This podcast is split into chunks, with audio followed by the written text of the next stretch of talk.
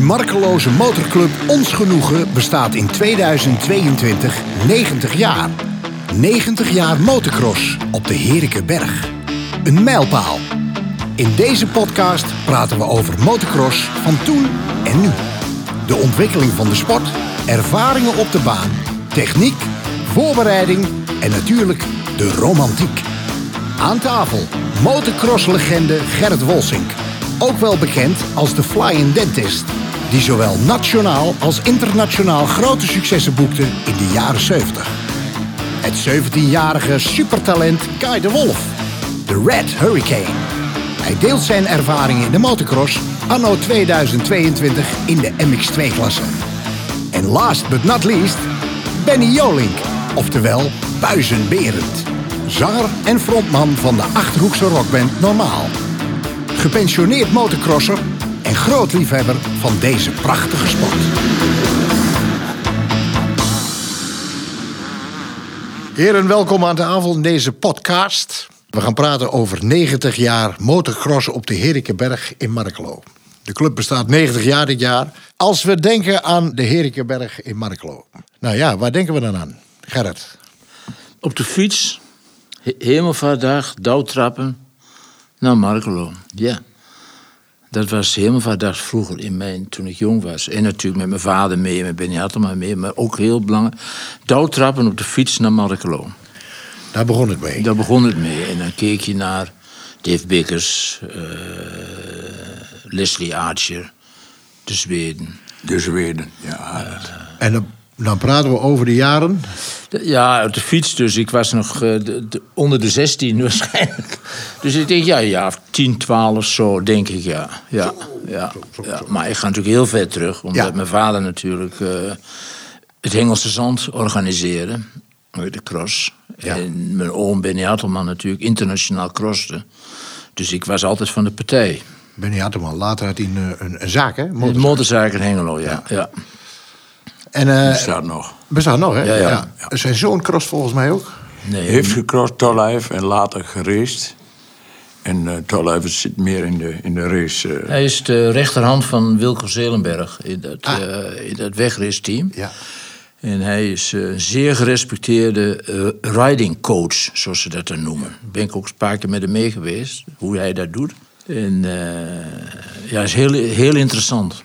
Dat Ja. een, eh, een buitenlandse topper in de wegrace toch aan hem vraagt om te kijken in een bocht hoe hij die nemen moet. Dan denk ik, nou.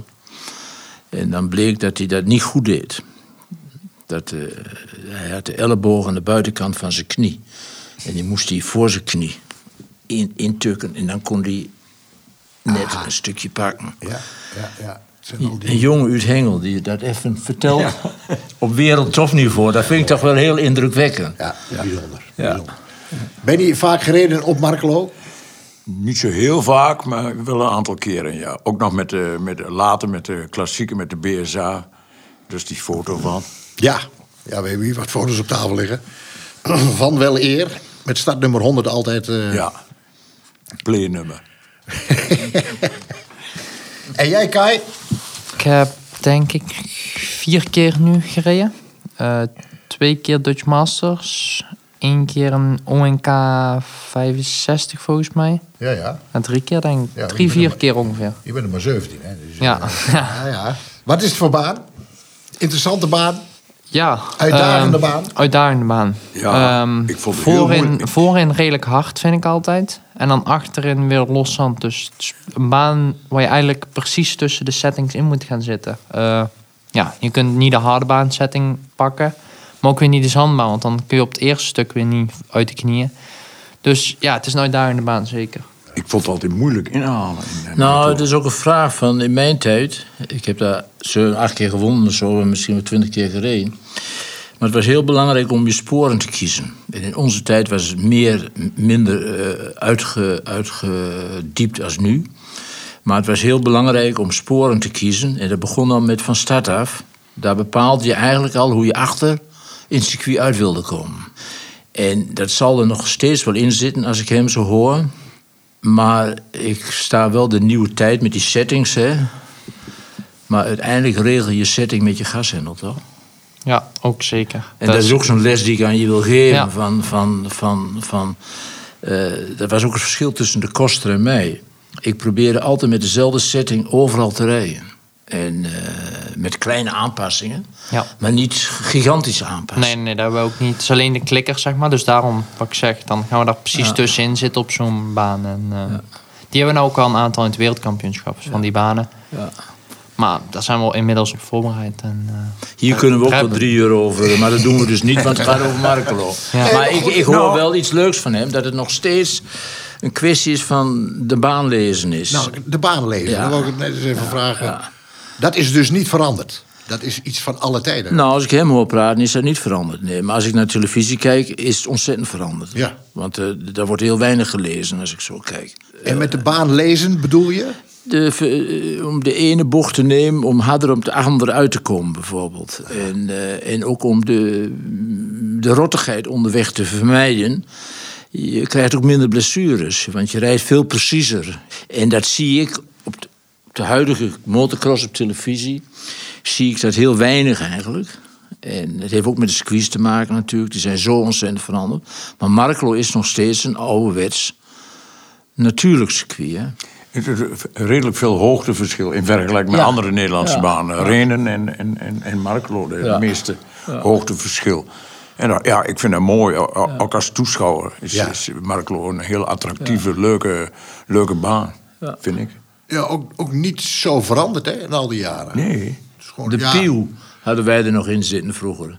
De? Dat zegt jou niks. De pieuw, dat is het achterste gat helemaal. In, eh, waar ze niet meer doorheen komen. Dus, Nee, eh, maar ik heb begrepen dat het wel weer gaat gebeuren. Oké. Gaat er weer bij komen volgend jaar. Goed zo. Ja, dat was inderdaad eh, ja, de laatste jaren niet meer gebruikt, maar Nee. dat was een interessant Stelt niks voor. Nee, nee, stelt niks voor. Het is gewoon naar beneden in de morgen rijden. Dus, maar de pieuw zou ik nooit vergeten. Nou, de eerste keer dat ik nou één keer... Oh, over die weg naar maat- beneden. Mijn maat draaide om, man. moest, je, moest je over die weg, Hoe een gat. over die weg naar beneden. Zo. Ja. Die heb jij nooit gereden, dat achterste stuk. Jawel, hij rijdt dat stuk wel. De, met Ja? wat Benito heeft, zitten er nog steeds in. ja, hebben we ook. Bij dit weggetje waar je zo naar Ja. beneden dat gat in valt. Oh, ja. daar, ja, ja, ja, ja, dat stuk, ja. Ja, we hebben inderdaad wat foto's liggen op tafel hier. Maar wat ik interessant vind is ook eh, de stijl van vroeger, hè. Kijk, die motoren waren volgens mij een stuk zwaarder vroeger, hè. Of heeft dat niet... Ik, ik zou het niet weten. Mijn fabriek Suzuki woog 92 kilo. Ja, zit Ik denk, denk dat de mijne hetzelfde zal wegen. Ik zou het eigenlijk echt niet weten. Ik dacht dat hij veel lichter... In BSA was dat wel een zware... Nee, maar ik ben een Of- tweetaktmens. Hij is een uh, viertaktmens, maar ik ben een tweetaktmens. Ja, die, die vier takten waren ver over de 100 kilo. Maar in de, in de tijd van Jan Klink en, en Benny Hartelman, dan... eh, Dat waren uh, 130, 140. 100, nou, hun hadden we 110 kilo. Maar ze gebruikten nog wel heel veel aluminium eh, in die tijd. En de Zweden, Lundin weet ik, dat die ook al heel veel titanium gebruikten. Maar die, die, die echte Engelse Goldstars uit de fabriek wogen inderdaad 130 kilo.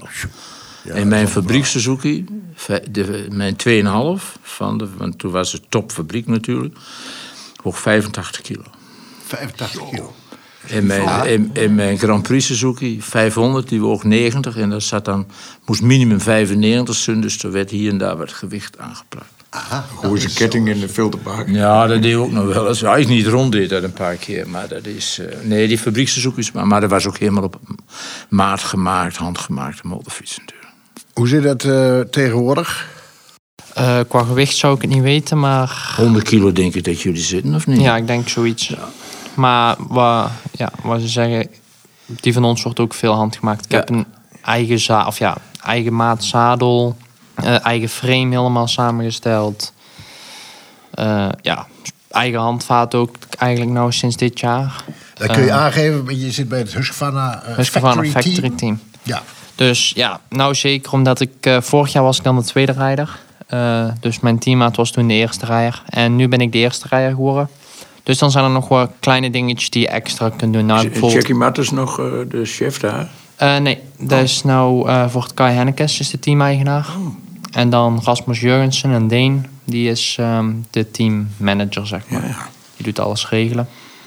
En dat is ook mijn trainer. Dus, maar ik ja, kan best veel dingen aan de motor aanpassen. Ik heb een eigen frame dan, andere achterbrug. Eh, ja, dan natuurlijk de vering is helemaal op mij afgesteld. ja, en dan kun je zoveel dingen kiezen. Stuur, eh, ja, tandwielen, alles is wel echt op mij aangepast ook meer. Maar moet het de productie zijn, nog steeds? Is Nee. toen zo'n regel? Mag nu Dat is alleen in Amerika. Amerika nog steeds, hè? Amerika nog steeds. Ja. Bij ons hoeft het geen productie te zijn. Nee. Zeg maar een uitlaat kunnen wij ook met meer decibels of minder decibels. Ja, ja, eh, natuurlijk. maar het gaat ook om de katten en de inwendige ja. dingen en Nee. zo. Die natuurlijk, hoeft geen, wij nee. kunnen echt fabrieksmateriaal hebben. handgemaakt gewoon. Ja. eh.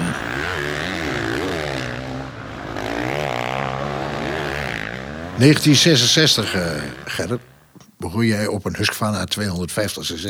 Ja, die heb ik net van de week weer teruggekocht. 22? Die, die motor weer? Nee, Ik zo bedoel- eentje. Ik bedoel ook van 46. eh, 47, 46. 47, 47. Oh ja, ik ben jonger dan ik. Zo. Ja. Jo, jo, Ik ben van 46 bent toch? Ja. Ja, ja, ja. ja. 66 een husky, ja. Ik, eh, ik las het toevallig, bijzonder, want jij rijdt ook 250 cc Husqvarna. En als je het toen bekijkt en nu bekijkt, ja. dan is er wat gebeurd in die jaren. Hè? Een gebruikte husky. En er zaten nog de voetsteun vast aan, aan dat ding. Dat is ook nooit ook zo'n anekdote. Er zat gewoon een pen.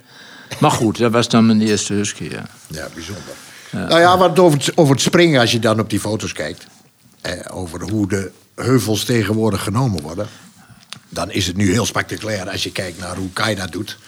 Eh, gooien en smijten en van links naar rechts. eh. dat is wel een stijl tegenwoordig, dit, hè? Maar dat doe je niet elke ronde, denk ik. Ofwel, ja, ben jij zo'n liefhebber? Het, die, eh, het liefste zoveel mogelijk, maar Zoveel eh. Kijk, want, ja, mijn trainer is nou wel proberen meer aan het afleren. Want het liefste zou ik mijn training, heel de training zo... eh, ja, want, want Elke bult staat wel een fotograaf ongeveer tegenwoordig. ja, En, ja. Maar is dit sneller? Is, is, levert Op dit wat sommige op? punten kan, kan het sneller zijn. Ja? Ehm, omdat het voordeel is, ehm, je rijdt de oploop zeg maar al op en je gaat al schuin. Dus je Gaan moet- scrubben. Ja, ja, ja, scrub, ja, dan is het meer scrubben. Deze is meer een whip. Ja. Maar als je hem echt scrubt, dat kan echt soms wel heel veel tijd schillen. Scrubben is de grootste verandering in de rijstijl met Ja. ons. Dat is, eh, dus, eh, de Stewart is daarmee begonnen Ja. in Amerika. En eh, wij deden ook wel wat met schansen, maar dat scrubben is echt de, de grootste innovatie Ja. in, de, in de rijstijl. Ik heb het nooit gedaan. Ik heb wel met, met eh, dat ik heel hard tegen de schans aan reed. En dat ook een van de weinigen, net voor het springen, remde. Dus dat ik hem laag hield. ja, dat scheelt wel een stuk. Dat heb ik van, die van een Zweed geleerd. Die zei, dat moet je zo doen, zegt hij, gaat beter. Maar voor de rest was bij ons... ja, lijnen kiezen en recht toe, recht aan natuurlijk. En jullie hadden ook meer enkels en zo, denk ik. Als tegenwoordig zijn het bijna allemaal tafels, dubbels. Tafels hadden we wel, maar eh, dubbels een beetje, maar niet, die- Niet zoals niet, niet, niet bedoeld om te, om te springen eigenlijk. Meer als, als rem. En, eh, maar wat we wel hadden in de circuits, in de buitenlandse circuits, dat je dus dit hadden, De opstap. die opstappen. Ja. Dat wij die opstappen, de toppers, wij dan, Ja. de opstappen in één keer Ja. pakten.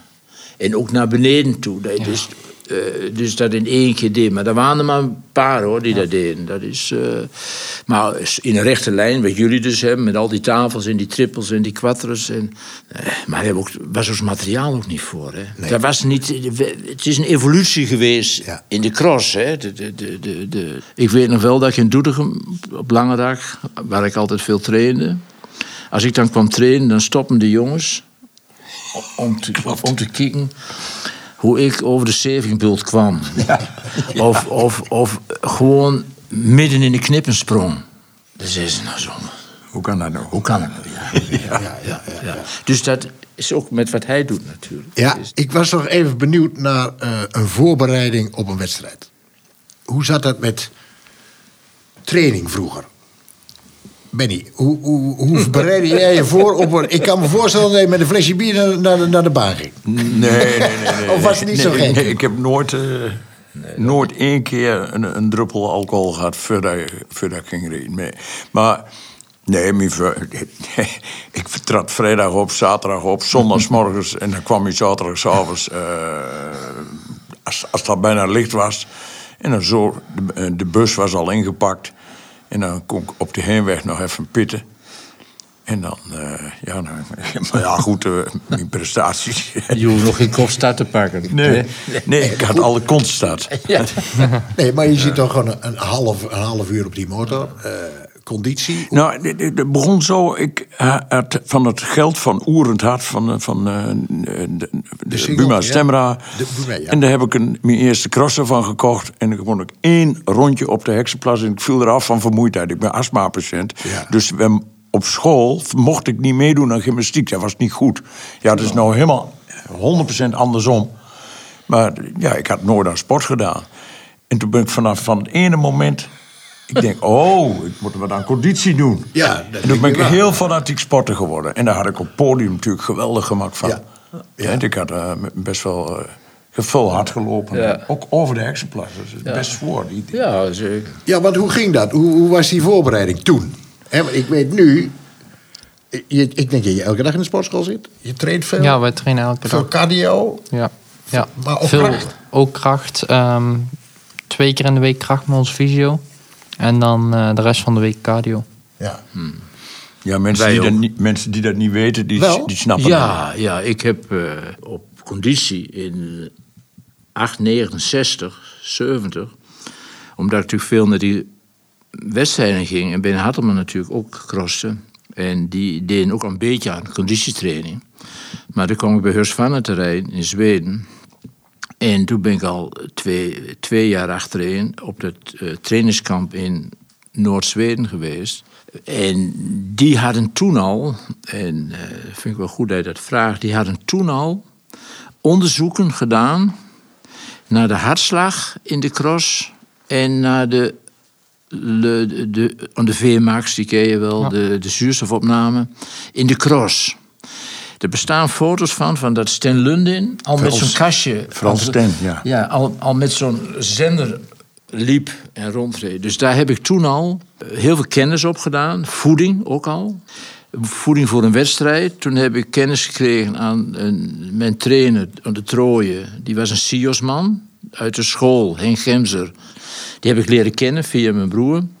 En die zegt, die had ook wel eens naar de cross. Hij zegt, je hebt geen conditie, zei hij tegen mij. En daar wil ik je wel mee helpen. Dus ik heb eigenlijk vanaf de jaren 70 eh, altijd heel zwaar getraind, fysiek, elke dag. En eh, daar heb ik dus door de jaren heen opgebouwd, in die tijd al. Waardoor er in Nederland tussen mij en de rest, en Sigmans, mijn concurrenten eigenlijk, dat je groeide daaruit. En ik zei ook tegen hem, je moet vijf jaar nemen om aan de top te komen. En vanaf dat moment moet je, heb ik vijf jaar genomen om fysiek... Ik was in de, in de cross, in de Grand Prix ook, met Nicola en de Kosten... waren wij fysiek de sterkste. Ja. Wij konden ook tot eind volhouden. Want die Duitsers die bij ons reden, of de Fransen of de Italianen... en dat heb ik in het Michael-team gezien met Willy Bauer en Adolf Weil... die, die Bauer die trainde gewoon niet. Ja.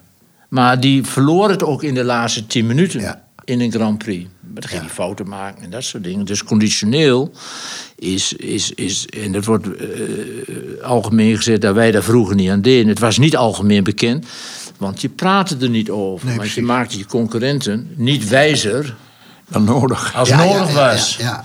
Dus je zei, wat doe je dan? Oh, een beetje zo, zo een, beetje, een, beetje, een, een beetje hardlopen, zo en af en toe.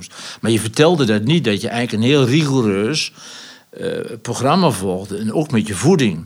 En Rolf Tiblin, die moet je zeker kennen als husky-rijder... want dat is een grondlegger in Amerika van de, van de conditietraining van de husky-scholen... heeft hij gehad in de jaren 70.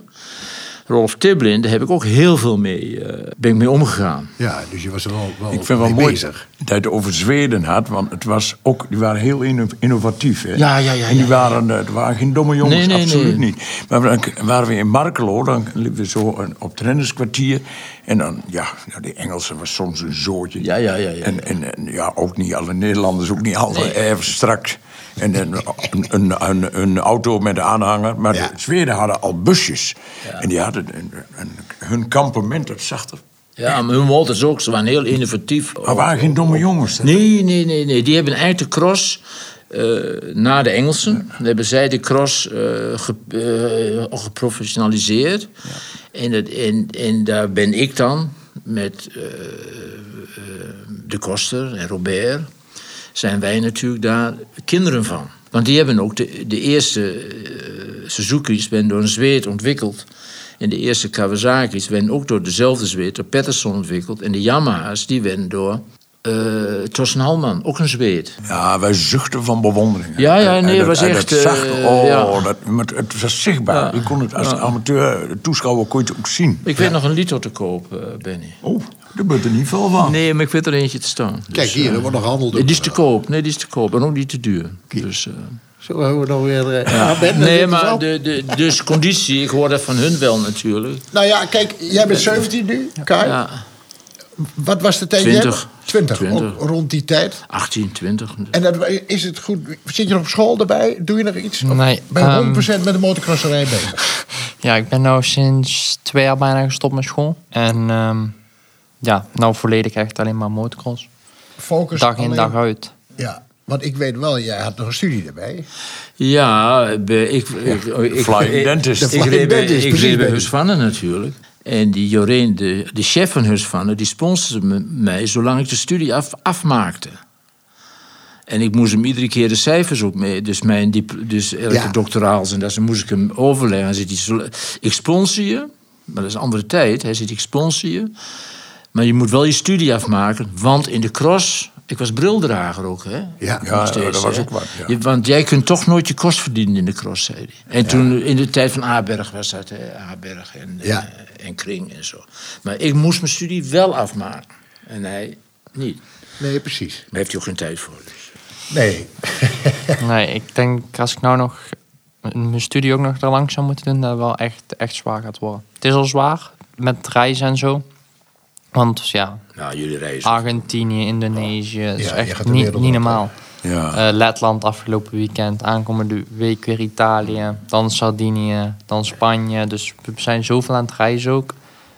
Als ik dan nog een studie moet doen, ik, ik zou er eigenlijk niet eens tijd voor hebben, want we komen maandag terug van de wedstrijd.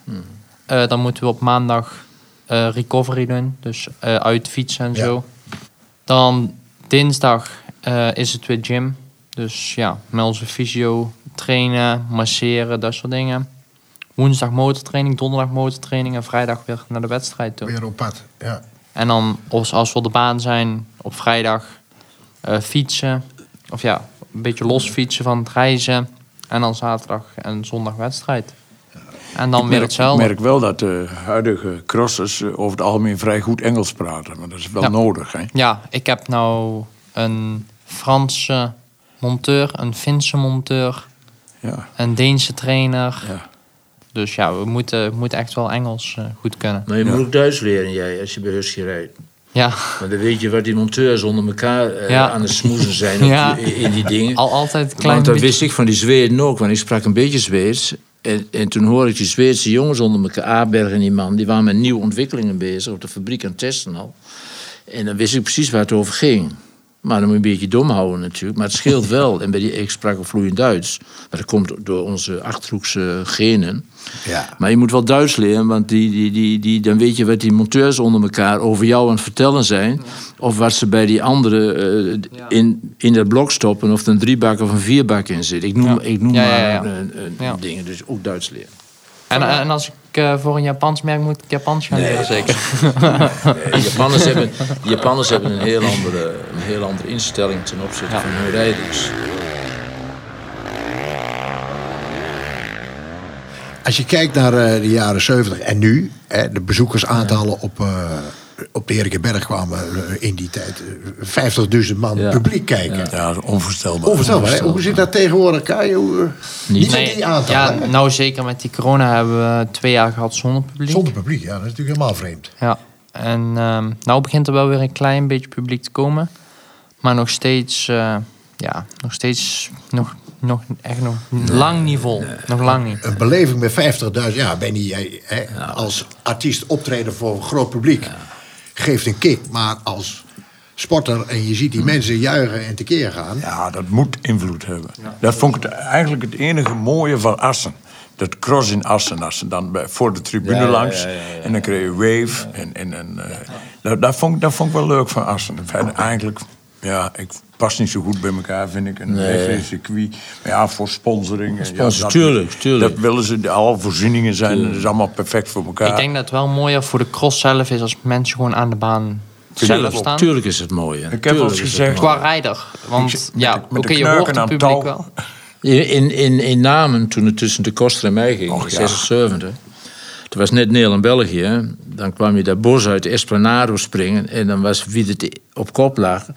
Ja, er was een gejuich over geboeven. Dat was, dat was in, in, in Luxemburg ook. Maar hier Markelo, 79, toen met Nois in de klins lag.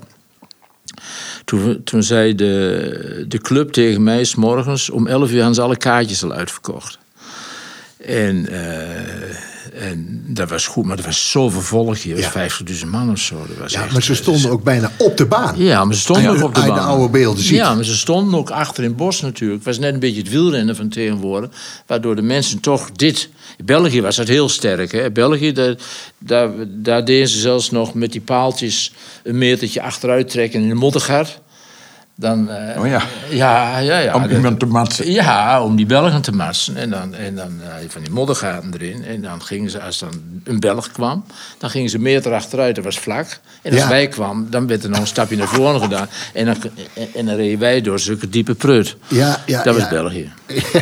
ja, dat is tegenwoordig niet meer zo. Nee. Nee, tegenwoordig is alles zo afgezet. En ook met de camerabeelden. Ehm, Nee, dat kan. ja, maar je dit is een- kunt, romantiek is dit van de... Ja. Ja, van, eh, ja, absoluut. Romantiek. Ver verleden. en ook qua publiek is het ook een stuk moeilijker om voor te kijken. Ze hebben die reclameborden voor het langs de baan. En grote hekken. En door die reclameborden zie je ook een stuk minder Ja, als publiek zijn. jammer. Dus eh, ja, dat is zeker jammer voor het publiek. Ja. Ja, vind ik een heel eh, groot nadeel. Ik was een keer in Namen, toen Longo dat dan in het begin organiseerde. En eh, ik had dan natuurlijk wel de goede kaartjes. Maar de- op de Esplanade in Namen, ben je wel eens geweest? Op, Ja. Op de Esplanade kon je dus als, als toeschouwer bijna niet meer rondlopen. Alles was bezet met VIP en, en, en, en, en hekken en speciale kaartjes. Dus toen weer Amsterdamse vrienden van mij, die altijd naar de Citadel gingen, die zeiden: We gaan niet meer, want de, de romantiek is eraf voor ons. Ja. Dat uh, Hakan Karltvist, die won. Ja. En die stopte bij de café. Ja, en die dronk een ja. glas bier. Die had een eh, helm zonder... eh zonder, zonder Chalet du Monument. En die, die dronk een glas Ja. bier en, en, en die won alsnog. Ja, dat Jij kan, dat kan absoluut niet meer natuurlijk. Nee. Dat is echt bijzonder. Echt bijzonder. Maar oh, ja. dat was, ja, dat Maar vooral zeg maar, die grote reclameborden en zo wat we nu hebben. Is toch wel, namen bestaat nog steeds? Nee, nee, nee. Die baan is weg. Nee, nee, de baan, ja, de baan was er toen ook niet. Maar die is er nu ook niet, want die werd gewoon een, een touw door het bos gespannen en dan moet je tussendoor. Dus, ja, dat was namen vroeger. Dus. Ja, dat is niet uit te leggen nu. Hè? Nee, is niet uit Je zegt van, oh, we spannen touw en we gaan even Nee. een, een Nee, zeker. organiseren. Maar ook nu lijkt het me toch nog steeds leuker met publiek te zijn. Ja, sowieso. Eh, afgelopen jaar Ulster was een van de eerste wedstrijden weer dat er publiek mocht komen. Oh, ben ik geweest, ja. En toen was Ja. die tweede manche, ehm, zat ik eerst een paar rondes achter Geert. Toen heb ik Geerts ingehaald. En toen reed ik aan de leiding, nou, hoe dat publiek tekeer ging, dat was niet Dat is normaal. toch leuk. Ja, ook die, want mensen konden echt zien. Wij gingen in één keer die laatste twee rondes drie seconden per rondje harder rijden. En mensen konden echt zien dat we voor de, wet, eh, voor de win gingen. Dus het publiek ging echt helemaal uit zijn dak. En dat was wel, dat is wel gaaf.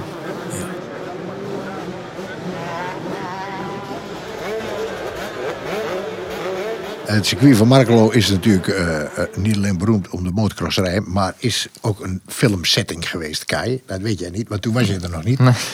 Maar in 1980 is de film Spetters opgenomen daar. En overal spelen was Rutger Hauer, maar die kon natuurlijk geen motor rijden. Dus Gerrit moest invallen. Die moest... eh, Nou, Spetters was, want ik heb Paul Verhoeven natuurlijk later gesproken. Spetters was gebaseerd op opstandige jeugd, hè? dus de, de nozems, Ja. de, de dingen. En die zochten een held. En de schaatsers vonden ze maar niks. Voetballers wa- was een teamsport. En toen zei Paul Verhoeven met de, met de, met de scriptwriter... En ik was toen een top, hè. Toen zeiden ze, je had alles om een held te wezen. Dus dat hele gedeelte wat Rutger in die film doet, is gebaseerd op mij. Dus met de hele setting die er ook omheen was en zo. Dus het is, het is wel een belangrijk. Ze wilden iets met, met, met mij en, en jeugd maken, zei Paul Verhoeven. Ja. En dat heb ik ook nooit geweten. Nee. Tot eh, tien jaar geleden of zo, Paul Verhoeven mij dat een keer vertelde.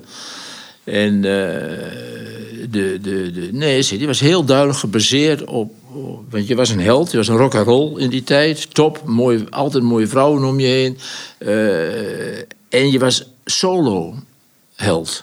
Ja. En die jongens, daar zag hij een prachtige aanleiding om, om die nozems, om, die, om de, alle facetten. Want nu wordt die film ontzettend hoog gewaardeerd. Ja. En toen werd hij land uitgestuurd. Ja, want het was natuurlijk ook, ook Seks, en rook. Ja, behoorlijk op de rand natuurlijk wat was daar natuurlijk echt op getoond de werd. rand, ja, ja. Maar dat was dus... En, maar omdat Honda wilde sponsoren... heb ik ook op Honda gereden in die opnames. Want Suzuki wilde niet sponsoren. En Honda die wilde wel sponsoren, die film. Dus alles moest op Honda gebeuren. Zo werkt dat, Ja, hè? ja, ja. Maar die dag won jij gewoon de wedstrijd. Ik won de wedstrijd, maar het kostte me wel mijn titel die dag. Omdat Noyes won de tweede manche. Ja. En die pakte net die puntjes, die drie puntjes van mij af. Ik weet nog precies hoe dat gebeurde, maar... eh, dus eigenlijk zie je mij niet... eh, Noyes zijn de opnames, maar al het, de rest was op Honda. Werd eh, mij alles op Honda gefilmd. Ja, precies. Want Ja. je kwam over de finish. Nou, oké. Ja, ik heb dat Gewonnen? later van Herman eh, gehoord hoe dat ging. Ik heb dat nooit geweten. Dat er meteen die setting die veranderd setting werd. moest, werd veranderd. En Ja. toen kwam er, eh, eh, werd Is gehuldigd. die film nog ergens te zien? Ja, zeker is die film nog. Volgens mij is die nog Ja, steeds... die eh, is, dat is leuk, want daar, daar, daar zie je Markelo van 40 jaar, 50 jaar, eh 79. was het, ja. En er, kwam, er werd gewoon een wedstrijd gereden. Werd gewonnen, gehuldigd. En dan werd even die scène overnieuw gespeeld. En toen werd Rutger Hauer gehul- Ja, eh, ja. gehuldigd. Een heel apart ja. verhaal uit zo ziet, Gerrit hè? Bonkers, er was toen ook de, de, de, de, de- Mijn naam was Bolsink eerst, en dat wilde ik niet. En toen hebben ze witstand van gemaakt. dat hingen ook spandoeken, hè? Langs, bij het publiek, daarachter bij het oude rennerskwartier was. Hè? Daar- daar- ja, het was heel, het was heel, Ja. heel bijzonder, was dat, ja. Als we het hebben over eh, de sport nu en de sport toen. En nou, je zegt het al, daarna ben je succesvol tandarts geworden. Een praktijk, alles erop en eraan. Was voor jou meer liefhebberij, hè? Ja, denk ik. alleen maar, ja. Gewoon eh, voor de hobby, maar wel, je ging er wel voor. Jawel. Het was geen niet, denk ik, van ik toch een maar beetje dat mee. kan, niet, dat kan niet anders met motocross. je kunt niet een beetje... Want dan, dan, dan, dan heb je nog veel meer kans op blessures. Ja. Als je niet je best doet of je... uh, je Als je met- niet met- 100% fit bent, dan... Ja. Ja.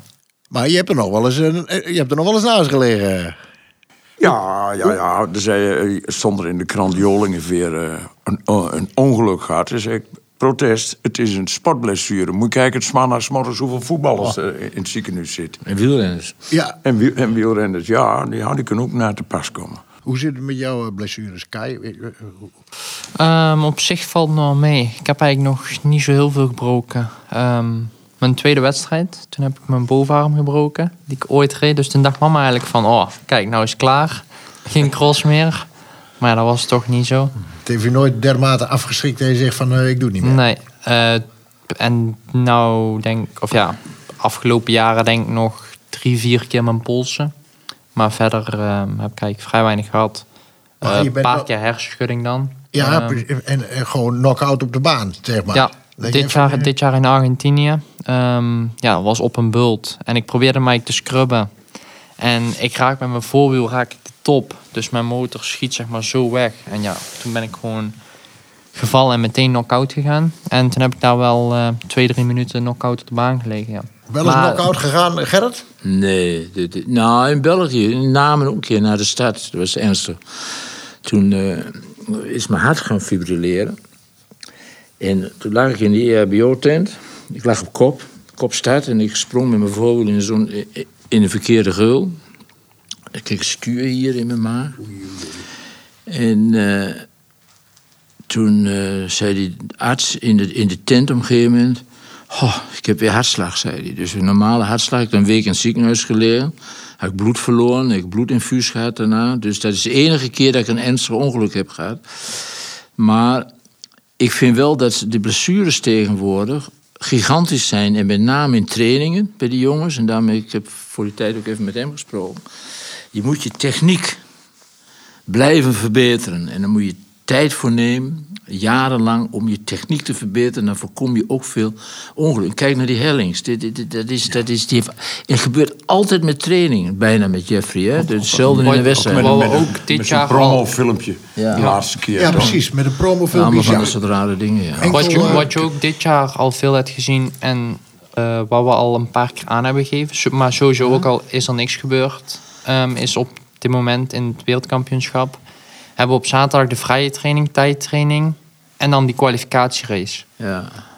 Maar dat is een race van 20 minuten plus twee rondes. Voor geen punten. Alleen voor een Startpositie. startpositie. Maar er wordt zoveel op het spel gezet. Waarom niet, net als bij de Formule 1 bijvoorbeeld, twee vrije trainingen en een tijdtraining? Ja, Dat zou veel beter eigenlijk zijn als een daar ben kwalificatierace. ik, ben ik het wel mee eens. Eh, ik geloof er niet zo in. Nee? Ik, nee, ik vind dat die circuits worden te snel. Ja, dat is wel waar. Eh, de motors worden te goed. Eh, het listige is eruit, uit, uit het circuit om hoge snelheid te halen. Dus ik denk dat, je daar veel meer dat, dat, ze daar veel meer aandacht aan moeten besteden. Jullie hebben heel veel sporen, zie ik ook, eh, in die banen. De- jullie hebben geen stof meer, zoals vroeger. Dus dat is wel een voordeel. Maar het, is ook heel lastig wat ik zeg, want banen langzamer maken is niet makkelijk. Nee. Nee, zeker niet. Maar in Os heb, heb je dat soort blessures niet. Omdat je snelheid niet hoog is daar. Nee. De, de, de absolute snelheid is in Os niet hoog, denk ik. Ja, alleen als je Eén- achter een het enige stuk daar, als je na de start omhoog ja, gaat, rechts dat omhoog, lange daar, stuk. Dat lange hadden stuk. daar toevallig die persdag gehad. Ja. En toen had ik mijn horloge om eh, voor mijn hartslag en zo. En die meet ook de snelheid. En toen was mijn max snelheid 95 km Ja, per uur op dat ja, stuk. maar dat is het enige stuk ook. Dat was het enige stuk, maar daar hebben, ze, hebben we duidelijk aangegeven bij Youthstream. Ja. En daar hebben ze ook aangepast. Daar hebben ze een stopbult ingelegd en een wave-sectie. Dat bedoel ik. Maar dus je, je topsnelheid en die andere circuit, ik zie ook eens van die, van die wedstrijden, die, die snelheden zijn zo hoog. Als je Doe kijkt. Rusland, Orleanok, Ja. waar de Sal toen na de pitlane een keer zo voorover ging. Ja. Eh, daar rijden we ook gewoon met 80, 90 Ja. langs, langs de pitlane af. Dus je kijkt ook naar het pitbord. En dan ga je in één keer knippen. En dan, ja, als je hem dan kwijt bent, dan... Hoe zit het in Markelo? Is dat een snel circuit? Hoge snelheid? Nee. Nee. Nee. Nee. Althans, wat ik zie, is geen, hoog, is geen hoogsnelheidscircuit. Nee. Nee, zeker niet. Nee. Nee, en toch ja, gebeuren er af en toe dingen dat je denkt... Ja, maar dat is inherent Ja, maar dat aan de, gebeurt- dat dat is inherent dat aan de cross. Hè. Dat is inherent aan de cross. Daar, Ja. moet je, daar moet je ook niet meer zitten. Nee, precies. Nee. Oké.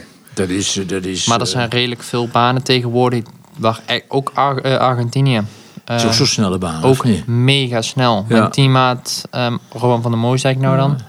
Die heeft daar eh, zijn schouder gebroken. Dus ehm, Herlings is het ook een keer vreselijk afgestapt in Argentinië. Jaren geleden.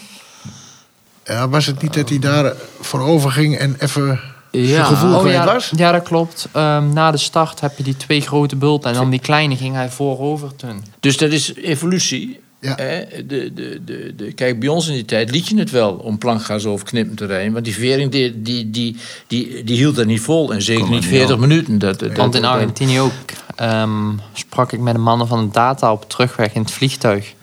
En die zeiden van, wat denk je dat de max snelheid dit weekend was? Ik zeg, ja, weet ik niet. Hadden ze gevonden op de data, was 117 km per uur. Was na de start en dan had je twee grote schansen en dan ging je een gat in. En dan reden we met 117 de volgende bult op. Serieus? Ja, ja. Cross, hè? Ja. nee, maar dat is ook de, de, de, de, dat, dus, dus dat wat ik zie, dat is eh circuitbouwers, hè? Dat is het ook weer het uit belang tegen commercie en, eh, en Het eh, is natuurlijk sensationeel om te zien. Ja, ja. Het zijn enorme snelheden en geweldige sprongen. Oké, die sprongen is op zich nog niet zo slecht. Want daar haalt de snelheid er ook meestal wel uit. Ja. Want als je kijkt zo'n supercross, daar zit bijna geen snelheid in. Nee. Oké, dat is wel een iets hoger risico omdat de bulten zo dicht op elkaar liggen. Dus je hebt die ook echt die techniek ervoor nodig om precies uit te komen steeds. Ja, ja. Maar ja, dat is ook nog steeds een droom voor mij om daar eh, Ja? ooit te gaan rijden in Amerika. Ik ga er waarschijnlijk, deze winter is de planning, ga ik proberen. Ehm, gewoon trainen in Amerika. Kijken hoe mij die supercross bevalt. En of dat ik die stadioncross, of dat aan mij, Ja, dat is natuurlijk... of dat aan mij ligt. Veel mensen zeggen dat mijn stijl daar redelijk goed... ehm, Jij kijkt bedenkelijk, eh, Gerrit. Nee, want ik heb de eerste Supercross in Amerika gewonnen. In Philadelphia, ooit in 1973. Op mijn Maikootje. Echt waar? Ja. En eh, dus ik heb de Super Bowl gereden in, eh in Colosseum en zo. Maar de eerste in 73, een van de eerste super, eh, su- stadion motocross, heb ik gewonnen toen. In de, was het onderdeel van de Trans Am. Dus daar ben ik altijd nog een beetje trots op. Ja, natuurlijk. En ik heb natuurlijk zelf Supercross In Nederland georganiseerd met. Joost Caillé, Amsterdam Ja. en Nijmegen. Dat heb ik zelf Ik georganiseerd. opgetreden met een kleine Ja. Hendrik en die verpleegsters. nog. Politiek is moeilijk. Ja, dus ik heb, Benny? ja, dus ik heb die circuits gebouwd daar in de dingen. En ik ben in ja. Amerika geweest. En ik heb nog steeds wel contacten daar. Want ik, ik- af en toe ga ik nog wel eens naar zo'n supercross daar naartoe. Maar als je ziet die, die, die, die, die opbouw van die banen. En eh, die Brock Lover die doet dan zo'n trackwalk altijd. En daar ben ik laatst toevallig Septic te Langes in Atlanta. En ik denk, nou, dat wil ik eens zien. Duurt me dan maar veel te lang, even een half uur. Maar als je ziet hoe die banen opgebouwd zijn. Dan denk ik, Jezus Christus. Dit is echt... eh, dit, is, dit heeft niks meer met normale motocross te maken. Dat zijn eh, specialisten. Ja. En daar moet ik voorzichtig zijn als buitenmotor. De normale motocross, eh, om die, het is een, heel, een hele andere tak, Tak van van sport. sport, ja. Is mijn mening, ik dat zie ook. De kosten zegt dat ook. Die zegt, het is ongelooflijk, zegt hij, wat die man doet. Hij, hij zegt, die, Daarom die- ook zo'n Marvin Muscan. Ja. Ehm, die rijdt dan voor de koster. En die heeft ook echt specifiek alleen een supercross contract. Ja. Omdat hij eigen echt wil richten op Ja. het supercrossen. Ja, ja. Nou, als ik er naar kijk, zie ik 80% Ja. door de lucht gaan. Het, het Ja, is alleen maar, het is alleen maar timing. timing. Timing, en daar zeggen, daar mensen ook dat, dat ik daarom best een goede supercrossrijder kan zijn. Eh, omdat ik hele goede timing heb en qua baan lezen en zo. Dat dat ook heel erg... Vooral die woepsectie, dat is iets... ehm, Ja, ja, dat zijn die bulten allemaal achter ja, elkaar. Hè? heel Ja. kort achter elkaar. En daar moet je ook weer baan lezen. Ehm, goed uit de bocht zien te komen. En dus daarom wil ik graag met mijn trainer Hmm. deze winter naar eh, Amerika om te proberen. En Interessant. het is natuurlijk niet oninteressant wat je daar kan verdienen. Nou ja, dat, Dat, Nou, dat moet je- is, dat is je wel- helemaal een andere tak van sport. Dan moet je wel goed zijn. Dan, eh, Ja, ja. dan, dan Ja. moet je wel bij de top 10 zitten. En Ja, dat, dat en kom je niet zo. Maar je moet toch oppassen als je daar van de winter... Want uiteindelijk ligt je focus op de WK motocross. Ja, maar daarom doen we het ook specifiek in de winter. Ja. Want we doen het meteen na de Motocross of Ja. Nations. Ehm, in Amerika is die ook. Ja. En dan blijven we Oh, meteen ja. daar. Want dan hebben we normaal gesproken... hebben we vanaf september, dus eind september... tot aan eind februari... eh, ja, tijd ertussen zitten. Ehm, dus als er iets zou gebeuren... dat we toch nog tijd hebben om te herstellen. te herstellen. Ehm, ik had er gewoon toevallig met mijn trainer over. Eh, mijn trainer die heeft een ongeluk gehad met een scooter. En die heeft al zijn zenuwen en zo in zijn schouder zijn afgescheurd. Ik vind het niet dapper, ik vind het gewoon gek. Het is misschien een rare vraag, maar moet je niet een klein beetje gek zijn voor deze sport? Nee. Ja, dat denk Nee, ik wel. Nee, nee, nee. Je bent sowieso al gek als je dat doet. Dat maakt niet uit. Je, bent, je doet dat, maar met blessures... eh, als je niet fit bent... dus niet volledig gebruik van je ledemaat, handen en vingers... dan moet je er niet opstappen. Nee. Want dan ben je, vind ik, maar dat is... eh, Maar ja, hoe bepaal je die grens dan? Hè? Zelf, de dokter. Ja, De dokter die zegt, ja, die zegt gewoon, eh, je bent nog niet fit genoeg. En als je in de sportschool dat gewicht nog niet kunt tillen of, eh, of kunt trappen...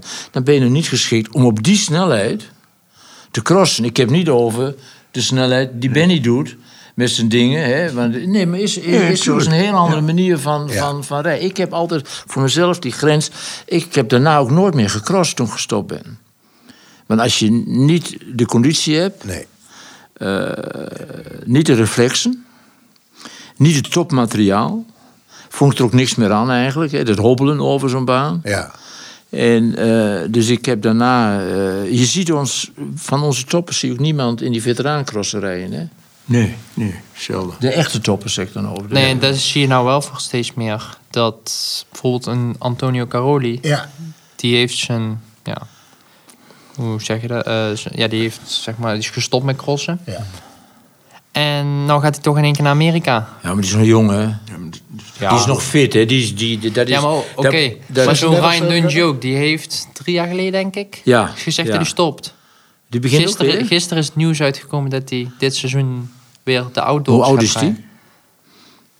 Dat durf ik niet te zeggen. Dat is Caroli heel is belangrijk, 36, 37. Dungey, nee. is- Caroli is Caroli is 36. 36. Maar Dungey is, is nog geen 30, Maar denk is ik. dat of niet? dan- Jawel, Ja? Dungey is al een Ja, stuk maar het zal hem toch tegenvallen als hij weer begint. Ja, Dat, denk zal ik je vertellen. Dat Maar is dat dan een kwestie van, ik kan niet stoppen? Ik, Ja. ik- ik. Ja, Ja, dat, zit, dat zit gewoon in je bloed. En dat zeggen bij mij veel mensen, of ja, dat vind ik zelf ook. Als je ziet wanneer ik aan het rijden ben, ik heb altijd lol. Er zijn ook heel veel crossers En die doen het voor het geld, zeg maar. Gewoon van, oké, school was het niet helemaal. Ik heb mijn school niet afgemaakt. Dus ik moet maar hard werken om mijn centen met cross te verdienen. Ja. En ik zit liefst elke dag op de motor. Ja. Gewoon om plezier te hebben. Ik, zou, ik, ik zal niet zeggen om elke dag echt plankgas te trainen. Ik denk dat dat wel voor alle sporten geldt. Ja, maar dat had ik ook natuurlijk tot mijn 36e daar crosste en enduros reed. Dat deed ik met plezier, lachen. Ja. Crossen niet meer, want op een gegeven moment hij die dik dan die zesdaagse. Maar, je, je moet, dat- maar dat is wat anders. plezier moet je houden. En, Ja, en, sowieso. en, en, en dan komt geld vanzelf. Dat is met alles zo. Maar je moet wel fit zijn. Je moet niet met blessures op zo'n cross. Daar is die sport veel te gevaarlijk. Ja. En dan krijg je ook blessure op blessure. En, en, en, Ja, maar maar toch- goed, dat is mijn, Ja, ik ja. ben er heel stellig in. Ja. Als je niet fit bent, moet je niet op zo'n ding roepen. Ja, ja. Oh, ja, van Kai is duidelijk waar hij op dit moment staat. Je staat gedeelde derde in de wereldkampioenschap. Ja, gedeeltelijk derde. Eh, de leider en de tweede staan gelijk aantal punten in het wereldkampioenschap. En dan staan wij, ik denk 30, 40 punten erachter. 20 wedstrijden. En als je dan kijkt ja, over heel de wereld. We zijn begonnen in Engeland, toen Italië, toen Argentinië, toen weer Italië, Portugal, Letland, nou Italië, Sardinië, Spanje. En dan Indonesië twee keer. Dus we, ja, we moeten echt... Nee, hun hebben veel grotere verplaatsingen dan wij in die tijd. Ja, ik maar hij zo'n ja. motortje ook niet een aanhangetje mee te nemen. Nee, Hij hoeft ook alleen maar een tasje mee te nemen Ja. in het vliegtuig. ja. Maar het is. eh, Nee, ik wil toch nog over een blessure terugkomen. Dat je dus wel goed in je oren knoopt. En dan kun je me wel een oude, oude, oude, oude man vinden. Met veel wijsheid. Maar je moet jezelf, als jij geblesseerd bent geweest. Of je, dan moet je tegen alle, alle stromingen in. Alle druk in. Zeggen: Ik ben niet fit genoeg om te rijden. Want dat is wel. Want je begint blijf je pas. van blessure je begint pas. Je bent twee, hoe oud ben je? 17. 17, moet je nagaan. Je hebt godverdomme nog, nog, nog 10, 15 jaar voor je om, om op je top te rijden. Nou, je Daar kennen we ook wel voorbeelden van. Dat met de begeleiding, de ouders en zo. Ja, dat, dat die de natuurlijk. baan staan te schreeuwen en, en, en harder, harder, harder en zo. Dat, wordt heel, dat is niet goed. Volgens mij is En, dat en nu- dat is bij mij denk ik ook altijd voordeel geweest. Papa hoeft mij niet te vertellen hoe ik moet crossen. Die heeft nog nooit op een crossmotor gezeten. Mama ook niet, dus die hoeft ook niet te zeggen hoe ik, op, hoe ik moet rijden. Die zijn gewoon bezorgd. Dus die zijn gewoon die zijn aan het kijken. En En je zolang ze is zien dat ik... doodsbang natuurlijk. Nou, Ik dat denk valt dat Mijn wel moeder dat wel. het Mijn iets moeder was van- doodsbenauwd in mijn Maar zolang ik mijn best heb gedaan... Hè? Dat was 30 jaar geleden. Dat, Eh, Het, het fanatisme van de familie langs de baan. tuurlijk wel. Ja. Was dat vroeger ook Ja, zo? natuurlijk. Ja? Tuurlijk. Wilde altijd winnen. Dat is altijd, dat is- ik had dan gelukkig de coach in Benny Hartelman. Dat hij dus eh, de rust en zelfschade schande wijs geworden was. En er nog wat Zweden waar je naar luisterde. Hè. Maar ik heb toch ook in mijn omgeving gezien... de jongens die dan één of twee keer wonnen. Rond is een voorbeeld van. Rond is, zijn vader heeft in, in mijn ogen... een slechte invloed op zijn carrière gehad. Zowel technisch als, als het moeten.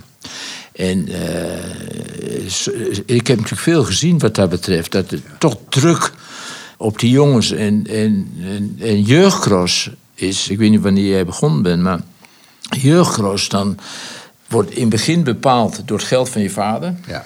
Ja. Wat motor je kunt kopen en spullen die je kunt Ja. kopen en, en, en, en hoeveel je kunt trainen, omdat iemand dan mee moet. Maar dan kom je op een gegeven moment in een categorie waar gewone jongens bij komen die met spaarcentjes een motortje verdiend hebben of, of op hoger niveau komen en dan winnen ze niet meer.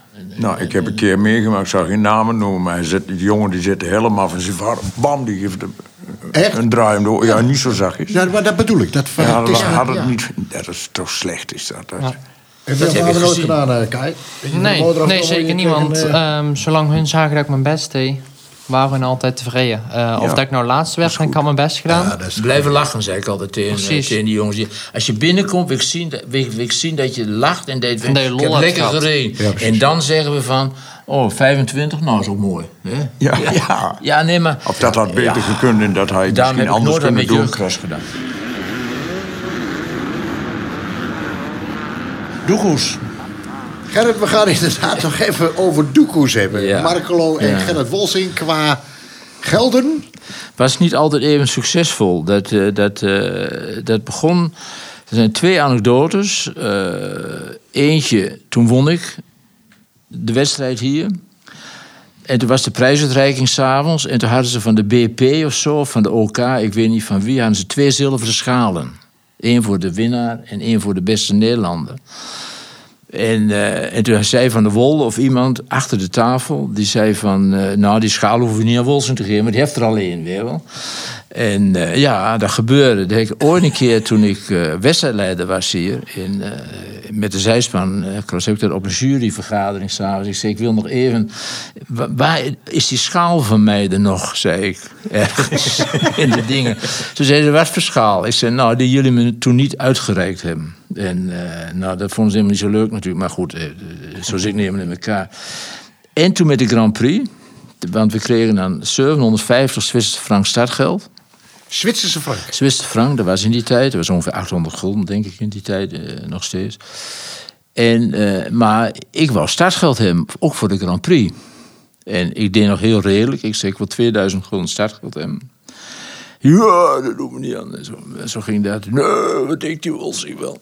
En eh, ik zeg, nou, dan, eh, dan ben ik ook niet beschikbaar voor de pers. In de week ervoor. Kom je op de persconferentie alle journalisten, ik had natuurlijk genoeg publiciteit, ik, ik zat er niet op te wachten op, eh, op al dat volk. Hè, en, en, en dan doe ik daar niet aan mee. Ja, maat. En dan begonnen ze op de, de club dit en de club dat. En, en eh, toen hebben ze me toch 1500 gulden betaald. Maar daar was het niet mee afgelopen, want jaren later was het, werd nog steeds als een. Eerste plaats was de prijsuitreiking in de pot. Nee, niet in de pot, in, eh, in Marklo zelf. Dan zitten van die vijf oude markelozen. Herman, die kent ze wel van vroeger nog. Die zaten ook altijd in, in, in, in het houten hok, daar buiten op stoel. Ja. En hm, hij Wolsing ook. Eh, hoe, wat zeiden ze? Ja, eh, hè? Kom je geld halen? ik zei, ja, daar heb ik, toch, heb ik toch hard genoeg voor gereden. Ik heb gewonnen hier, dus ik heb er hard genoeg voor gereden. Maar zelfs later op het circuit, als ik daar als gast kwam, of als wat dan ook, dan zaten die, Herman kent ze wel, dan zaten ze met z'n vijven of vieren waar dan pers, de, de medewerkers, de vrijwilligers, hun koffie en een broodje kregen. En dan zei hm, hem ook weer. Kom je weer geld Wolsen? Ja, en dat was echt... Dat was niet, was niet grappig bedoeld, hè? Ik, Nee. bedoel, ik kan een grap heel goed hebben, dat mogen Ja. ze best zeggen. Maar dat heb ik heb ik wat Dit vaker was wel meer- gemeend, zou ik maar dat was bij twee, drie man was dat echt, echt gemeend. Zat diep. Zat heel diep, ja. Dat, dat, dus dat, heb ik ook in, dat is ook mijn herinnering aan, eh, aan Mark. de En ze komen. niks voor Nee, de club. precies. Kijk, als iemand keihard werkt en die zit de pollen erin te slaan. En die doet van. Maar die man deed niks voor de club, hè? Nee. Je hebt in de club altijd een harde kern, hè? Ja. En die leer je kennen als je veel op wedstrijden komt. Dan leer die harde kern die de touwen spannen en, en, eh, en altijd hè, de knokploeg, zoals die meestal heten. Daar heb je respect voor. Hè? Maar die man deed nog niks, hè.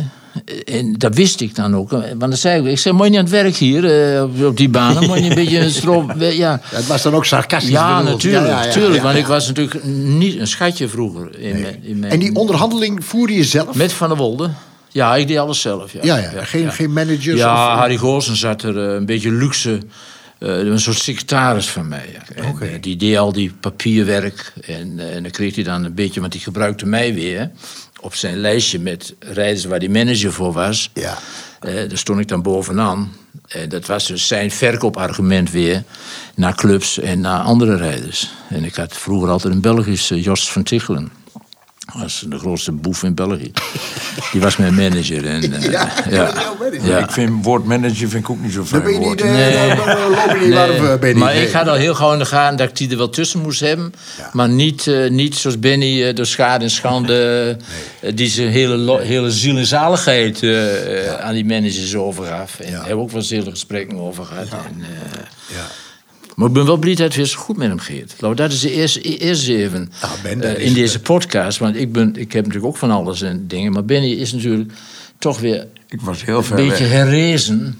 Hij was heel ver weg. Hè? Dus, eh, de, de, de, en, en is goed van stem, want die pret me gewoon de. Nou ja, eh, nee, de, de, ik dat weet ik nog wel... wel een... eh, een eh, Ik heb natuurlijk het laatste concert van Normaal meegemaakt in het Gelderdoom. nou, daar ben je toch niet vrolijk van, of nee? En nou, toen wij er ook klaar mee. Toen was het klaar. Ja, maar ik kon ook niks meer. Toen kon je niks meer. En ik, had toen, ik zat onder de pret die zon, wat eigenlijk keiharde doping is.